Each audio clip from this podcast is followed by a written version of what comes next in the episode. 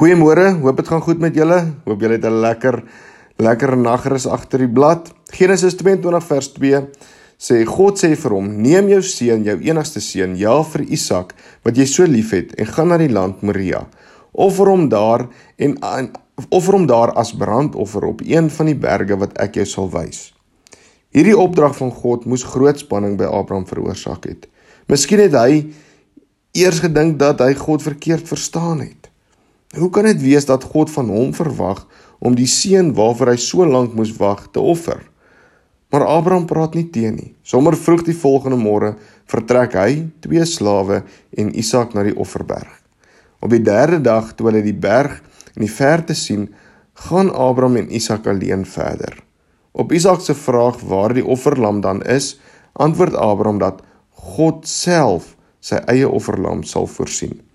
By die plek wat God vir hom gewys het, bou Abraham toe 'n offeraltaar en maak sy seun bo op die hoopie hout op die altaar vas. Abraham se hart moes gebreek het, maar hy deins nie terug nie. Maar toe hoor hy God se stem: "Los jou seun. Nou weet ek dat jy my dien." Toe Abraham rondkyk, sien hy 'n ram wat aan sy horings in 'n bos vassit. Hy het die ram geneem en in Isak se plek geoffer. Hier's 'n vraag vir jou vir vandag.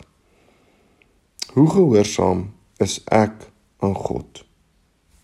Dis al wat ek vra. Hoe gehoorsaam is ek aan God? Gaan dink 'n bietjie die volgende week oor hierdie vraag. Gedink dalk die hele dag oor hierdie vraag. Here, gee vir my geloof en gehoorsaamheid van Abraham dat ek bereid sal wees om u opdragte na te kan kom.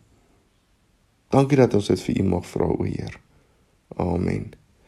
Mag julle 'n wonderlike dag verder hê en mag julle ook 'n wonderlike naweek hê. Tot ons weer gesels. Totsiens.